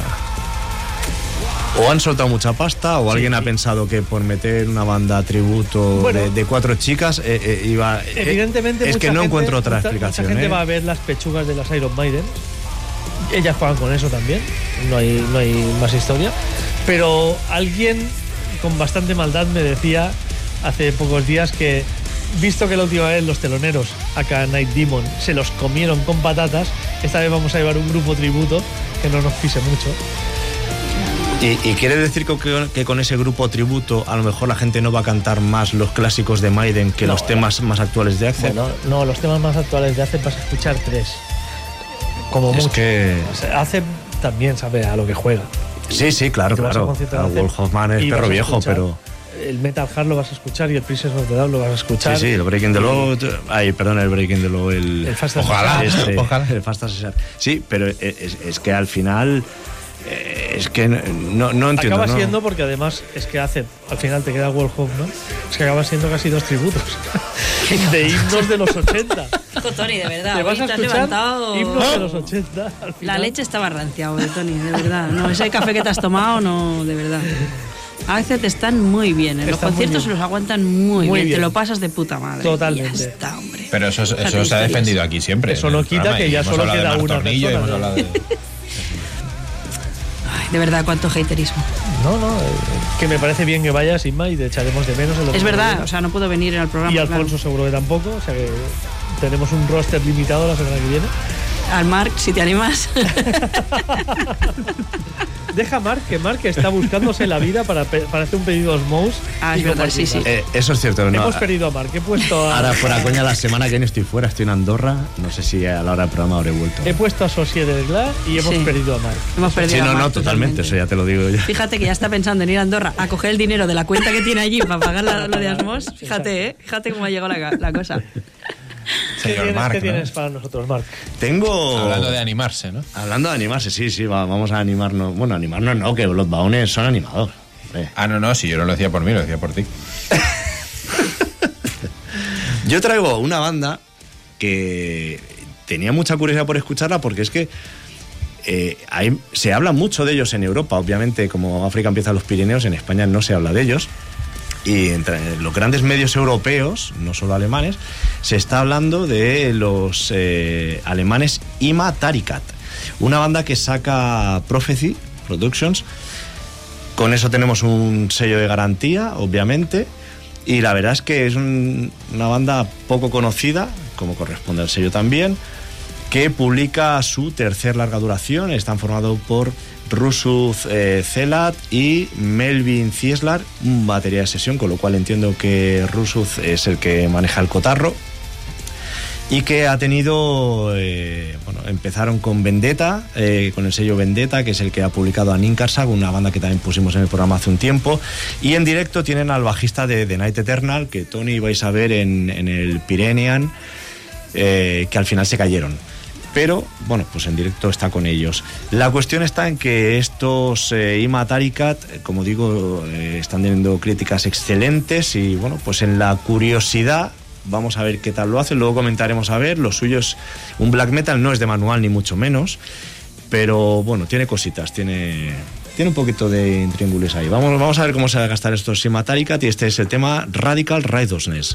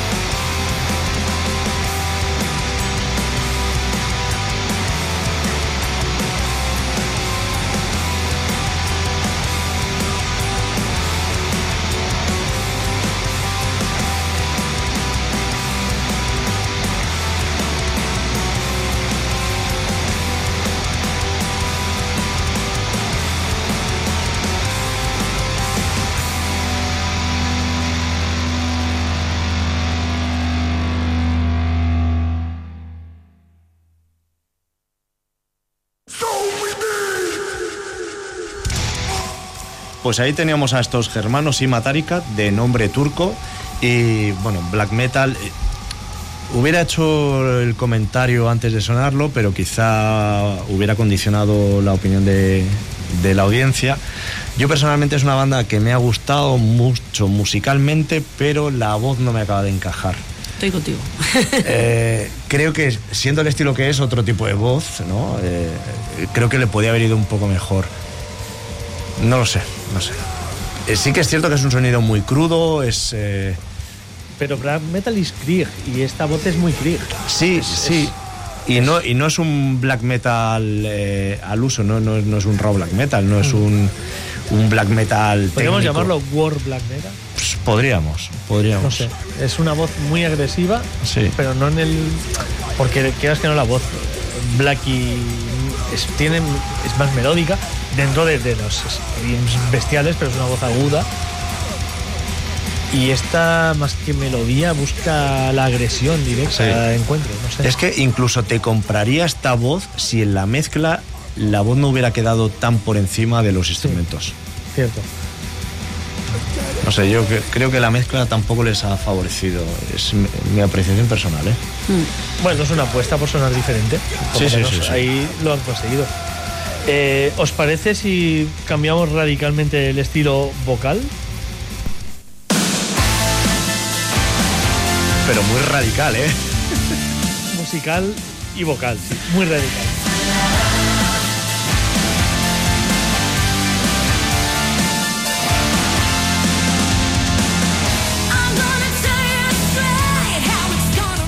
¡Qué voz! Chet Kane. Tuvimos la suerte de verla el pasado viernes, el día 13. Estuvimos Mark, estuvo Isma también. Estuvimos ahí con muchos amigos, además del octavo día. Y de Barnaor, como decíamos De antes, que estuvo ahí al completo.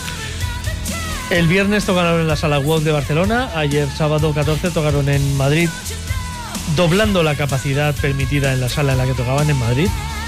Mm, aún se permiten estas cosas en- a estas alturas hasta que pase algo. Esperemos que no.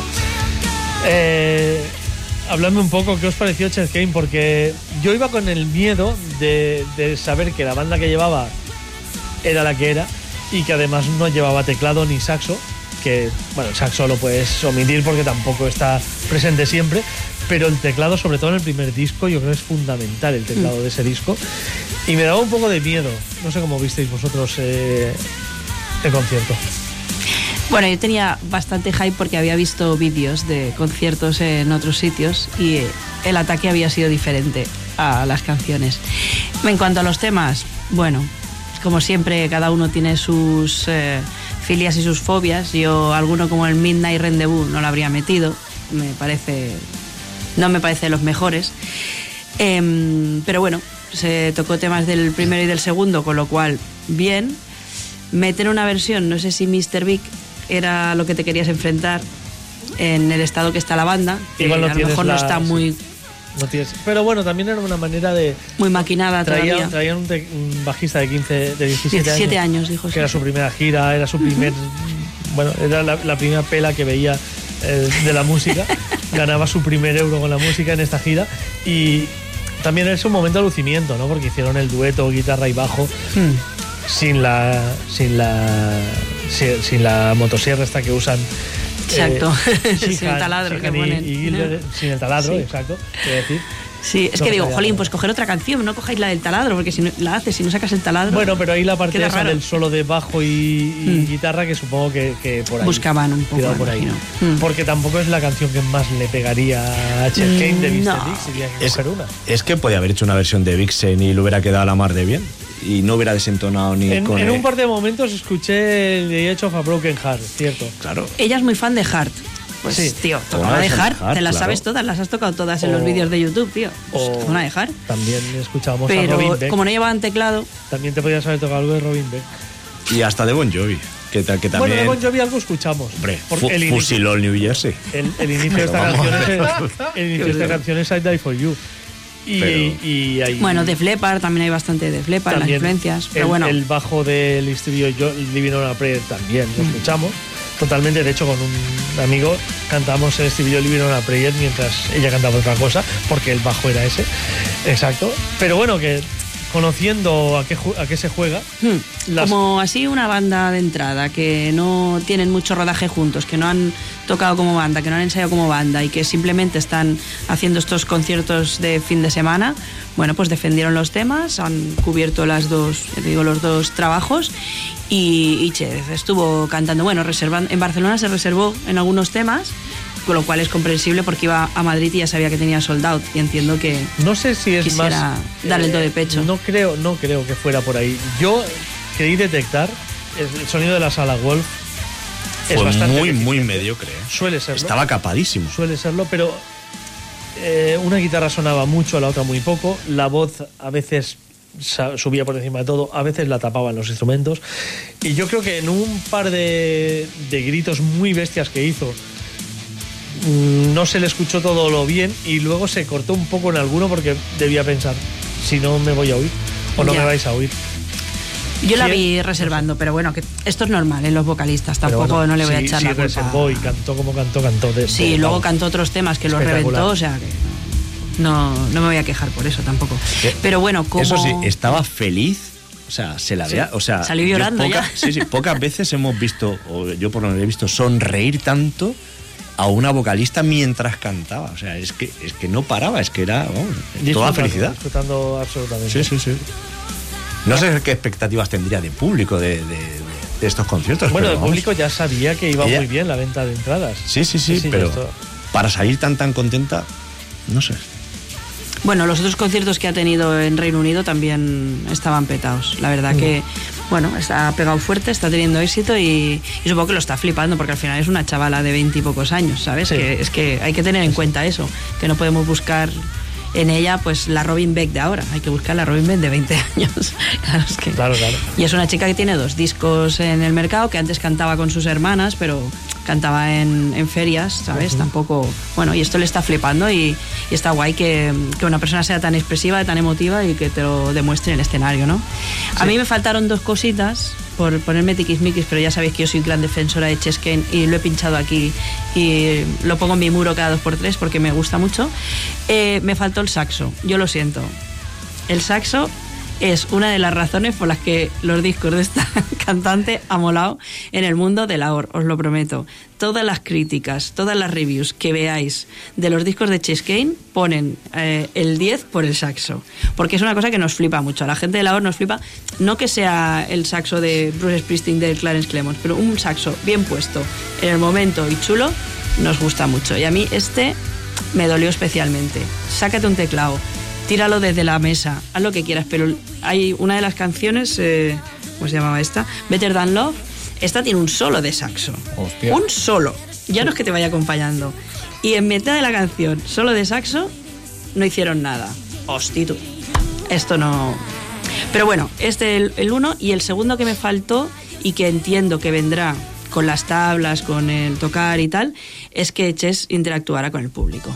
Este me faltó mucho porque tiene muchas canciones de Oe Oe, de Da Palmas, de Ahora Esto, y parecía que lo, lo hacía para adentro cuando hacía esas cosas. Y digo, me falta que me mires al público y le digas, ahora aplaude, ahora canta, porque esto los grandes y las grandes frontmans lo hacen mucho. Creo que es un poco lo que faltó. Pero vamos, a mí el concierto me lo pasé de lujo, no tengo ninguna pega. Bueno, hubo una interacción hasta el punto, de- mira, un compañero nuestro que es de aquí de Ornella, Javi, Javi Puerta, que es un clásico de la hora, el batería de Harchujar también. eh, eh, le dedicó personalmente una de las canciones, de hecho, digo, Mm. For You, Javi, eh, que es una cosa que este chaval se va a llevar para siempre con él. Mm. Y sí, tú- lo que pasa es que creo que estaba hasta superada incluso por la respuesta y por la de, ¿no?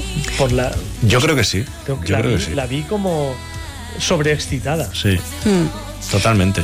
Bueno, yo creo que no está eh, acostumbrada porque ella sí que es verdad que graba mucho vídeo en YouTube y tal, y claro, no es lo mismo, Pero eso lo graba sola. claro, estar tú sola delante de una pantalla que ver a toda esa gente que encima te cantan, te chillan, te dicen de todo, porque había gente imbécil también, como en todas partes, diciendo gilipolleces, pero bueno, que está la gente ahí interpelándote, pidiéndote energía y tú tienes que darla, porque tú eres ahí la cara de... Bueno, eres el proyecto, en realidad ella es el proyecto, porque Danny Rexon no estaba y ni se le esperaba, entonces son dos personas ese proyecto, ella y Danny Rexon. Danny no está, pues te tienes que comer El sapo tú sola, lo siento. Va así. Yo lo Y que sí creo que, que es- Chet está en un momento de su carrera. Este es el solo de saxo. Este es el solo. Sube, sube, sube, sube.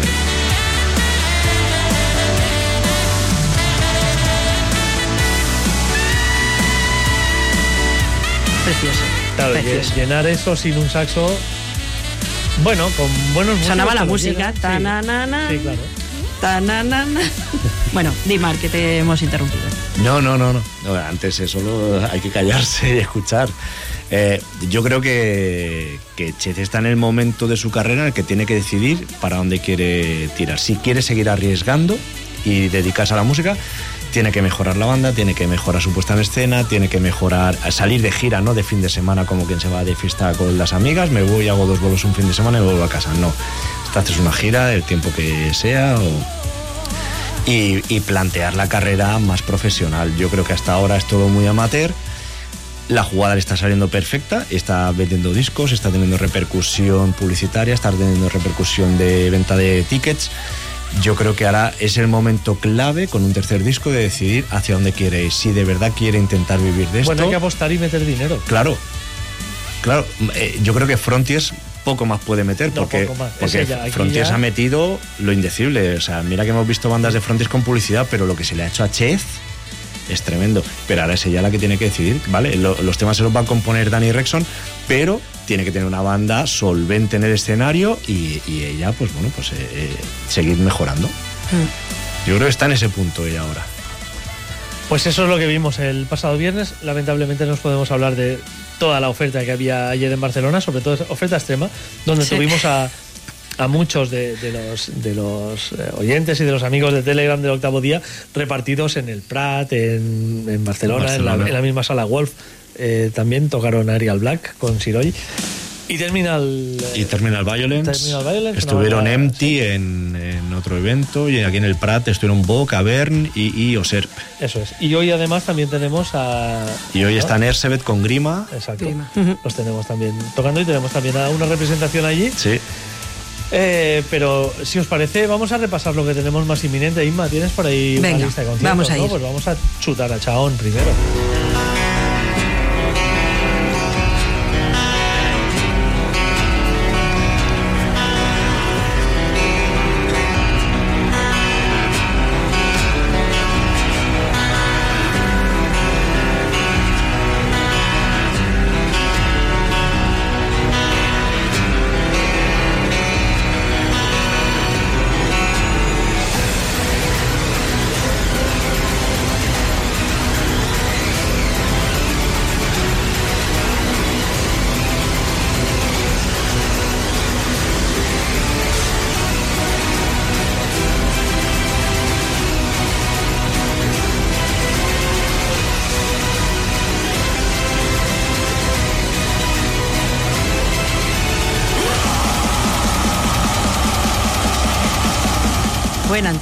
Venga. Pues el primero va, Tony, este te lo dedico a ti. El primero que tenemos en la agenda, el próximo viernes 20 de enero, Dream Theater. Theater con Arion, con una banda finlandesa que no pega nada.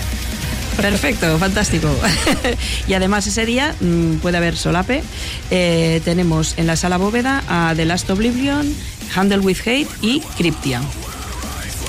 El sábado 21 de enero tenemos a Angelus Apatrida en la sala Salamandra con Toxicool, que creo que estos ya está soldado, ¿no? El tema. Está más que sold out y.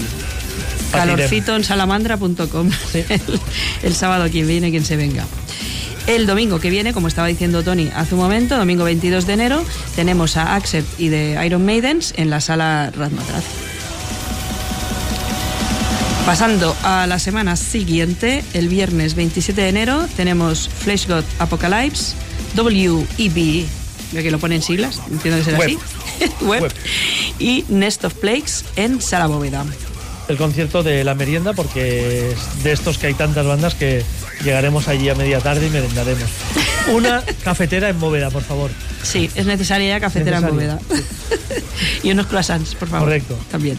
Eh, el sábado eh, 28 de enero tenemos a Vidres Alasán y Brademark en la Nau, Sí, y también tenemos a Biol Blast con Cruz y Lightning Zone en bóveda. en bóveda. Perfecto.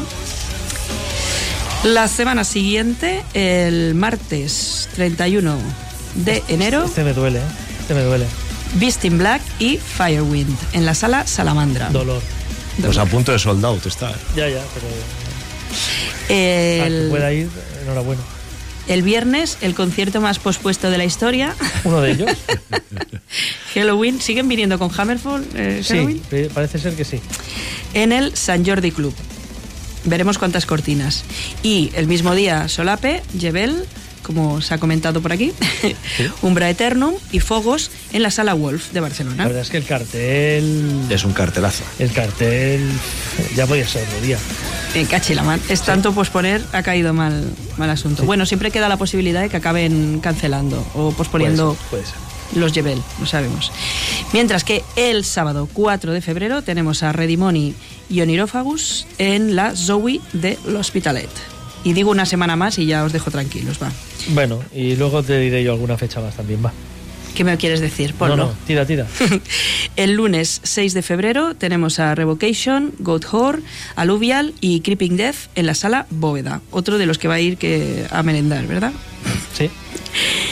El martes 7 de febrero, Tribune, Heaven Shall Burn, Obituary y Malevolence Este en la sala este. Razmataz. Ya me lo explicarás, Inma, este, porque este me duele bastante. Este te lo explicaré. Sí. Porque eh, también hay solape este martes 7 de febrero con Catatonia, Solstafir y Som en la sala Salamandra. No puedes. Hay que dejar de trabajar ya. Y aún así te perderías cosas por los solapes. Pero es que la semana esta de febrero es mortal, porque Sí. el miércoles también hay concierto.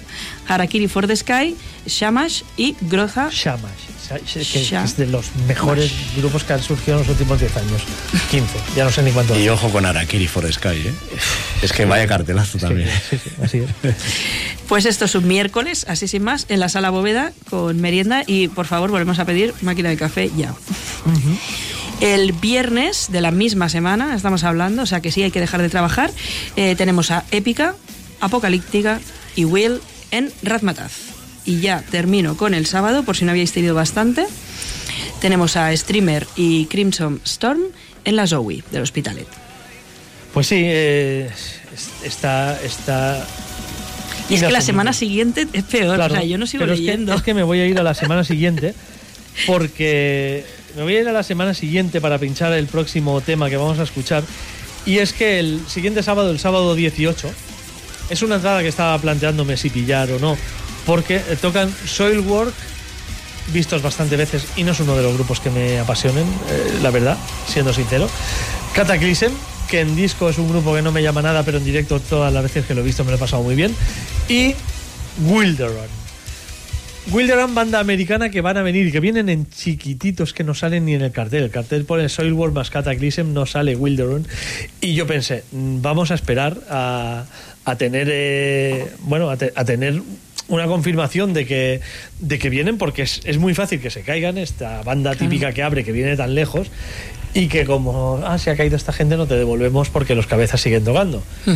Pero ahora que hemos tenido la confirmación, no solo de que sí que viene en Wilderon, sino que además su set va a ser bastante largo. Van a hacer un set de una hora prácticamente, o sea que vamos a poder disfrutar de Wilderon bastante. Es plan de irse pillando la entrada ya. Y además, haciendo caso a Jordi Pons, que me dijo, escolta't el disco de Soilwork, el último disco de Soilwork, ¿os acordáis que hicimos aquí un react? Fue una cosa rara, tal y cual. Me lo he estado escuchando y me ha gustado mucho. Y yo no soy muy de Soilwork, pero este disco me ha encantado y os lo traigo aquí para que si alguien tiene alguna duda, se escuche este This Godless Universe, que me parece un tema escandalosísimo y se convenza. Soilwork con Cataclysm y Wilderon el próximo sábado 18 de febrero y esto es desde el último trabajo de Soilwork, This Godless Universe.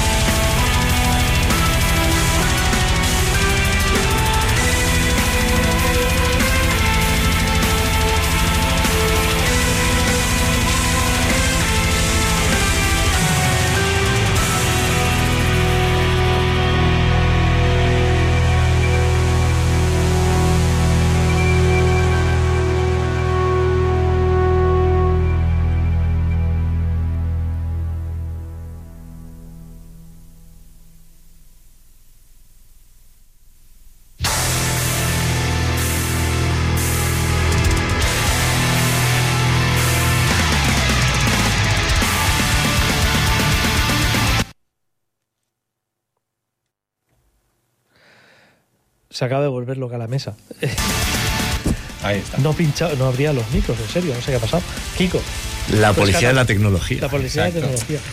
Eh, bueno, pues This Godless Universe, una canción que me flipa, pero es que esta que va después, Dreams of Nowhere, también es, es un discazo. Eh, la verdad es que es otro de los discos que metería en el top de 2022 ahora mismo, si pudiera. Y que recomiendo muchísimo que vayáis a ver a Soul World Cataclysm y sobre todo a Wilderon, que es la primera vez que, que vienen la banda de Boston y que, que es cierto que no ha entrado tampoco en los tops el, el- el último disco de Wilderon por dos temas, creo. Uno, porque salió en enero, fue lo primero que nos llegó este año. Y en enero ya te olvidas de los discos de enero, a no ser que sea como el de Marco Garau que sale este mes, que de ese no nos vamos a olvidar. Pero el de Wilderon nos olvidamos por eso y porque empieza con dos temas acústicos, que es un bajón total. Y cuando empieza lo interesante del disco, ya hace como 20 minutos que ha empezado el disco y ya estás. No sé, creo que no le beneficia nada y el tema final también, que es un tema que no pinta nada. Pero el centro del disco de Wilderon es buenísimo y, el anterior, ya os lo pusimos aquí más que de sobra, o sea que muy recomendados, como decimos, porque además Soilwork vienen con este sonido renovado que yo creo que van a hacer un, un gran bolo. Estamos a punto de cerrar y para irnos tenemos a Mark, que no tenemos la fortuna de contar con él habitualmente. O sea que, Mark, haz los honores y cierra esto. Pues chicos, gracias por abrirme, chicos y chica, por abrirme las puertas del octavo día otra vez. Eh, eh, ha estado genial. Culpa de Inma, que viene aquí la última y se dedica ella a ir invitando gente sin consultar. a nadie. Buscando especial que es Ya para está. el programa. Ella, ella viene aquí y, Sí, sí, y ya está. Yo era para librarme de pinchar, pero ya veo que ni por estas. No, la verdad es que le agradezco infinito a Inma que, que tuviera el, detalle de invitarme. Y bueno, historias aparte, vamos a acabar con un poquito de caña. Vamos a escuchar un poquito de death metal. Y venidos de Alemania, perdón. Sabéis que, que el death metal alemán a mí es algo que me gusta bastante, tiene una forma muy peculiar de interpretarlo. Pues en 2021, me remonto un poquito atrás, Testimony Records publicó eh, el, tercer disco, creo que es de Temple of Dread. Y vamos a escuchar el primer tema titulado Ithon's Hunger, el disco se llama Heads Unleashed. Y bueno, pues deseandito estoy de que vuelvan a dar señales de vida. Ellos son Temple of Dread, Ithon's Nos Hunger. vamos a despedir por eso. Y nos despedimos, por supuesto. Eh, El próximo domingo seguiremos, volveremos con tres horas de metal. Esperemos que con Xenia a los mandos, porque si no, esto es un sin Dios. Eh, y, eh, somos ingobernables. Y, y si no está Xenia aquí para ponernos en nuestro sitio. Nos cargamos la mesa. Bueno, tú sabes por qué. Tú sabes por qué Xenia no ha venido hoy. Porque venía yo. Sí, seguro. Claro, Eso claro, es así. claro. Está clarísimo. Evidentemente, Marc. Eso es así. Pues eh, recuperaremos eh, tres horas de metal el próximo domingo, como decimos. Eh, gracias, Inma, gracias, Dani, gracias, Marc. Tony también, quien te ha hablado. desde Gracias, la Tony. Mesa. Y ahora sí, Marc, presenta que nos vamos con esto.